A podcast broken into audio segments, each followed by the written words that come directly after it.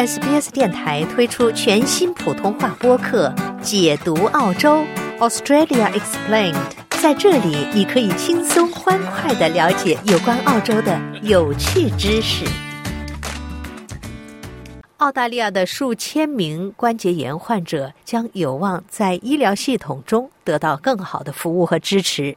关节炎是一种会导致患者一个或多个关节疼痛和僵硬的疾病，且病情可能随着年龄的增长而恶化。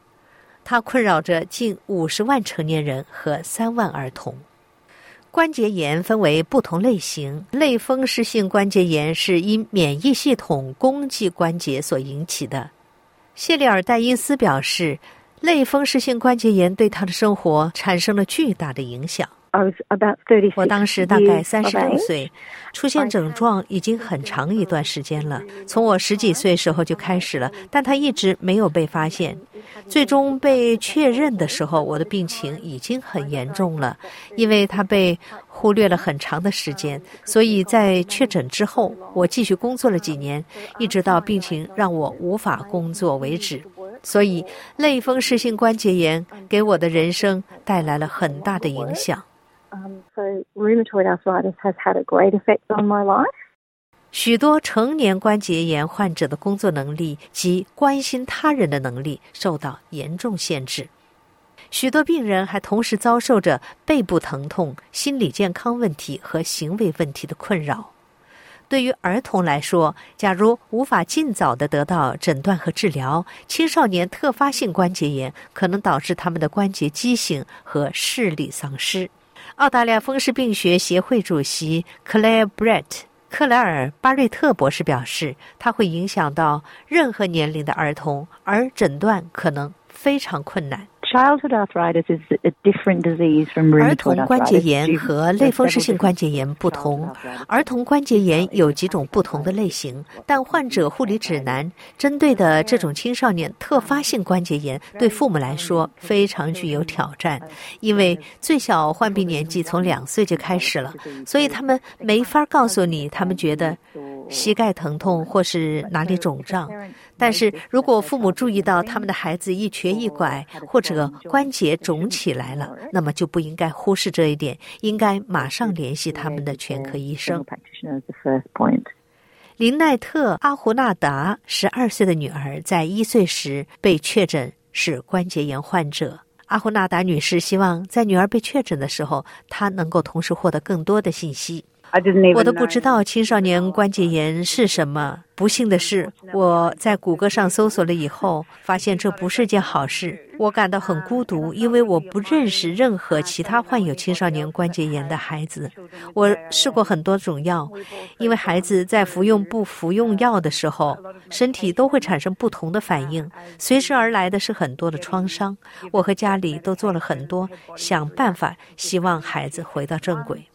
With that came a lot of um, trauma for her. It was a lot of work with the family and her to get her back on track. 阿胡纳达女士说：“女儿的病情改变了全家。这是一个家庭性的疾病了，我称之为家庭疾病，因为我还有一个大女儿，她看到很多人在关注她，她的妹妹。这没办法，因为发生的事情太多了。四五年前，我家大女儿看着我说：‘你爱妹妹胜过爱我吗？’这真的是太难了。”随着时间推移，这是你学会应对的事情之一。随着他慢慢长大，他开始理解到到底是发生了什么，然后我们为什么会对妹妹有所关注。，you learn to deal with it as she grew up as well. She she started to understand what is actually happening and the attention that that Aliana needs. 澳大利亚风湿病协会 （ARA） 表示，澳洲关节炎专家数量不足，导致病人的确诊时间过长。澳洲现有三百八十名成人风湿科医生和二十名儿科风湿科医生，但是需要的是六百八十二名成人医生和六十一名儿科风湿科医生。只有这样的数字，才能满足目前全国的要求。该组织最近的一份员工报告还显示，百分之三十八的受访风湿病医生计划在十二个月内减少自己的工作时间。而作为回应，澳大利亚关节炎协会和澳洲风湿病协会共同推出了新的临床建议和患者护理指南，以帮助类风湿性关节炎和青少年特发性关节炎患者明确他们应该期待得到怎样的护理。巴瑞特博士表示，护理标准将提供丰富的信息，以帮助患者家属和医疗从业者应对这个疾病。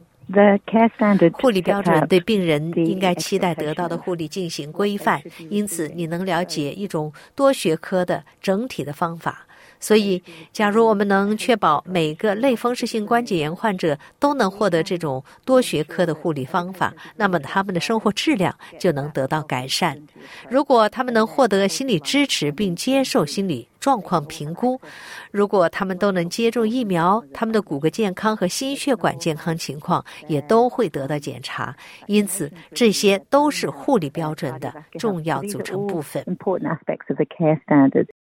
澳大利亚关节炎首席执行官乔纳森·米特斯表示，该护理指南可以提高患者的生活质量，并有望缩小关节炎护理方面的重大差距。每个关节炎患者的患病经历和病情都是不同的。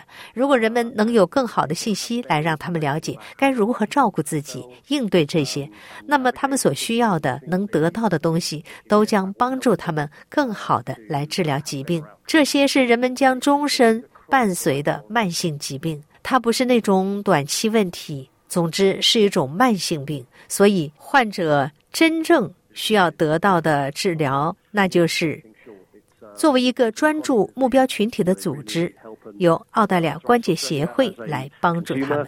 Focused organization is here to help them do that. 阿胡纳达女士说：“如果自己的女儿被确诊时能拥有这样的一份指南，她的家庭一定会被彻底改变。”她说：“这是一个很好的工具和指南，尤其是对于年幼孩子的父母来说。” If I had this guide when she was first diagnosed. 如果我有这本指南，当孩子初次确诊时，就能让我获得很多帮助。因为正如我一开始就说的那样，我在 Google 上搜索了所有的东西，感觉到很可怕。我对青少年关节炎一无所知，身边又没有认识的家庭孩子是患有青少年关节炎的。所以，如果当时我有这份指南，就能获取更多有用信息。or groups that they can be a part of, that they can speak to other like-minded families that are going through similar situations, and that would have been great to have back then as well. 但希尔斯教授表示，卫生部门应该承担起责任，并采取措施增加风湿类医生的数量，以提高患者的整体生活质量。我们还想让卫生服务部门负责提供最好的护理。目前排队等待风湿医生时间很长，这是因为严重缺乏医生。如果有更多的医学培训师，我们就可以有更多的风湿病科医生，而这将切实提升护理水平，尤其是对新确诊的类风湿性关节炎患者来说，这非常重要。Newly diagnosed rheumatoid arthritis patients. 想听到更多这样的故事吗？您可以通过苹果播客、谷歌播客、Spotify 或者您喜爱的方式下载收听。